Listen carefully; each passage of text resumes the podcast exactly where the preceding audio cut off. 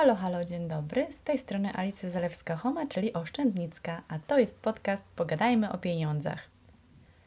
Audycja o pieniądzach właśnie, ale nie tylko o oszczędzaniu, pomnażaniu czy zarabianiu pieniędzy, e, ale właśnie o tym, żeby myśleć o tych pieniądzach w kontekście swojego życia, swoich potrzeb, ale też ziemi i ekologii, żeby nie skupiać się tylko i wyłącznie na tym aspekcie finansowym, ale właśnie na takim całościowym podejściu do swoich pieniędzy.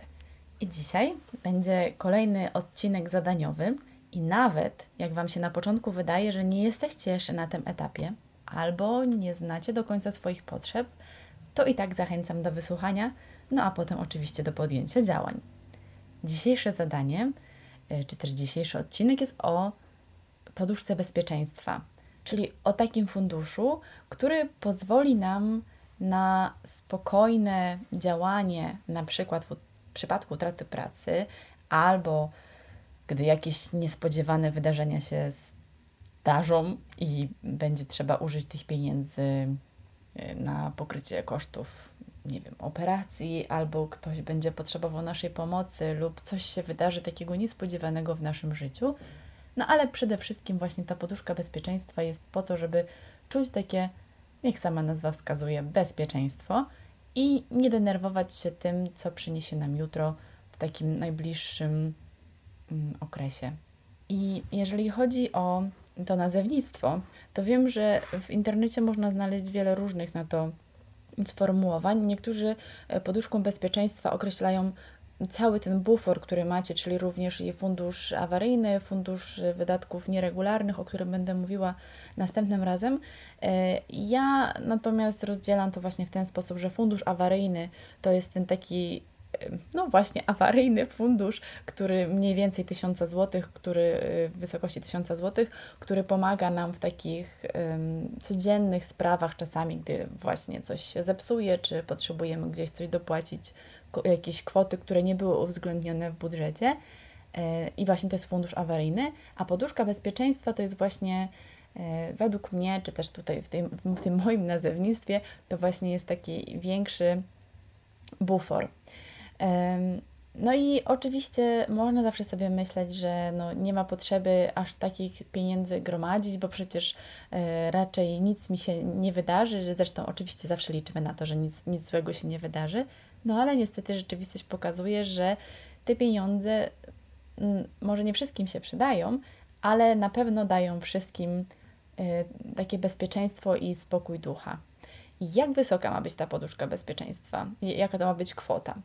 Y, no tutaj właśnie bardzo ważne jest to, żeby znać te swoje potrzeby i wiedzieć mniej więcej, chociaż, chociaż mniej więcej, nasze wydatki e, miesięczne, bo na tej podstawie możemy oszacować, jakich pieniędzy potrzebujemy, żeby czuć się po prostu bezpiecznie. Więc to jest taka podstawa. Najlepiej właśnie jest robić już ten budżet wcześniej, żeby wiedzieć dokładnie, y, ile potrzebujemy pieniędzy na podstawowe wydatki, ile pieniędzy w razie czego możemy gdzieś tam obciąć, wiedząc na przykład, nie wiem, gdy oboje partnerów y, traci pracę, no oby to się nigdy nie zdarzyło, no ale po prostu, żeby wiedzieć mniej więcej, e, gdzie można jeszcze wtedy ciąć. Ale taka podstawowa właśnie ta, ta, ta taka kwota wydatkowa mm, w miesiącu. No i to, tę kwotę właśnie e, pomnażamy przez daną liczbę miesięcy. E, niektórzy mówią, że powinno być to 6 miesięcy, 12. Ja uważam, że warto zacząć od trzech miesięcy, żeby to było naszym pierwszym celem, a potem oczywiście w miarę możliwości mm, tę kwotę zwiększać, ale żeby też, wiecie, nie, nie na, na, tak napinać się, że potrzebujemy tych sześciu miesięcy, bo czasami ta kwota może wydawać się po prostu zupełnie abstrakcyjna. No więc te trzy miesiące, ustalmy, że trzy miesiące naszych kosztów, niekoniecznie naszych wpływów, kosztów. Możemy też oczywiście założyć, że gdyby się okazało, że coś się takiego wydarzy niesamowitego, albo właśnie stracimy, czy, czy my stracimy pracę, czy wszyscy stracą pracę w ogóle, którzy utrzymują dane gospodarstwo domowe, to z niektórych wydatków możemy od razu zrezygnować, więc teoretycznie nie musimy ich ujmować też w tej wysokości. No ale to oczywiście zależy od Was, jak tutaj sobie myślicie, że dla Was to będzie najlepiej. No więc to pierwszy taki krok, żeby ustalić sobie tę kwotę. I jak już mówiłam wcześniej, nawet te trzy miesiące czasami może wydawać się kwotą abstrakcyjną, ale to nic. Nie zrażajmy się tutaj na samym początku, wszystko powolutku, krok po kroku. Jak mamy już tę kwotę, to musimy się zastanowić, ile miesięcznie możemy odkładać na te pieniądze. Na tą, ile pieniędzy możemy odkładać miesięcznie.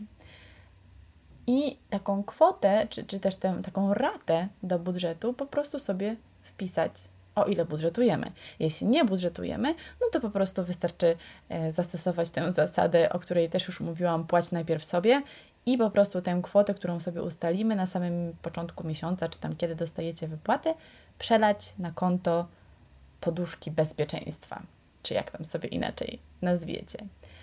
E, no i potem możecie też się na przykład zastanowić, czy jesteście w stanie E, jakiś innych źródeł pieniędzy na tę poduszkę bezpieczeństwa e, zebrać. Czy to może być jakaś dodatkowa praca, czy sprzedaż na przykład jakichś rzeczy, których już nie potrzebujecie, które macie w swoich mieszkaniach czy domach.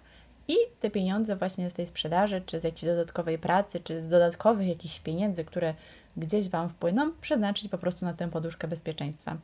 Fajne dla mnie też jest taka opcja, że jeżeli dostaniecie Mm, ustalenie ze sobą, że jeżeli dostaniecie jakieś nadprogramowe pieniądze, to część z nich albo całość właśnie przekazujecie na tę poduszkę bezpieczeństwa, dopóki jej nie uzbieracie tych trzech miesięcy. I jak te trzy miesiące już są, no to wtedy możecie zacząć się zastanawiać, czy zwiększać teraz tę poduszkę bezpieczeństwa, czy może skupić się na jakichś innych celach, ale macie już ten taki bufor, ten początek, to takie minimum. no i Powtórzę raz jeszcze, wiem, że początkowa taka kwota może się wydawać nieosiągalna, no ale przecież nikt nie mówi, że trzeba zebrać te pieniądze wiem, w dwa miesiące, bo to raczej jest mało prawdopodobne i osiągalne dla zaledwie garstki ludzi, którzy tak na dobrą sprawę, jakby na to tak spojrzeć, no to chyba są bardzo świadomi i wyglądałoby na to, że zarabiają dużo, a wydają mało, więc oni wtedy bez problemu mogą takie trzy miesiące y, czy taką poduszkę bezpieczeństwa odłożyć, no ale Mówmy się, to nie jest dla większości e, śmiertelników. No i nie ustalajcie sobie też właśnie za wysokich tych składek miesięcznych, żeby nie stanowiły zbyt dużego obciążenia dla budżetu, no bo wtedy też łatwo bardzo się zniechęcić. No i tak jak zawsze powtarzam, ze wszystkimi finansowanymi, finansowymi działaniami muszą być skrojone na Twoją miarę. To, że ktoś inny ma taką poduszkę bezpieczeństwa i odkłada tyle miesięcznie, to nie znaczy, że Ty masz robić dokładnie tak samo.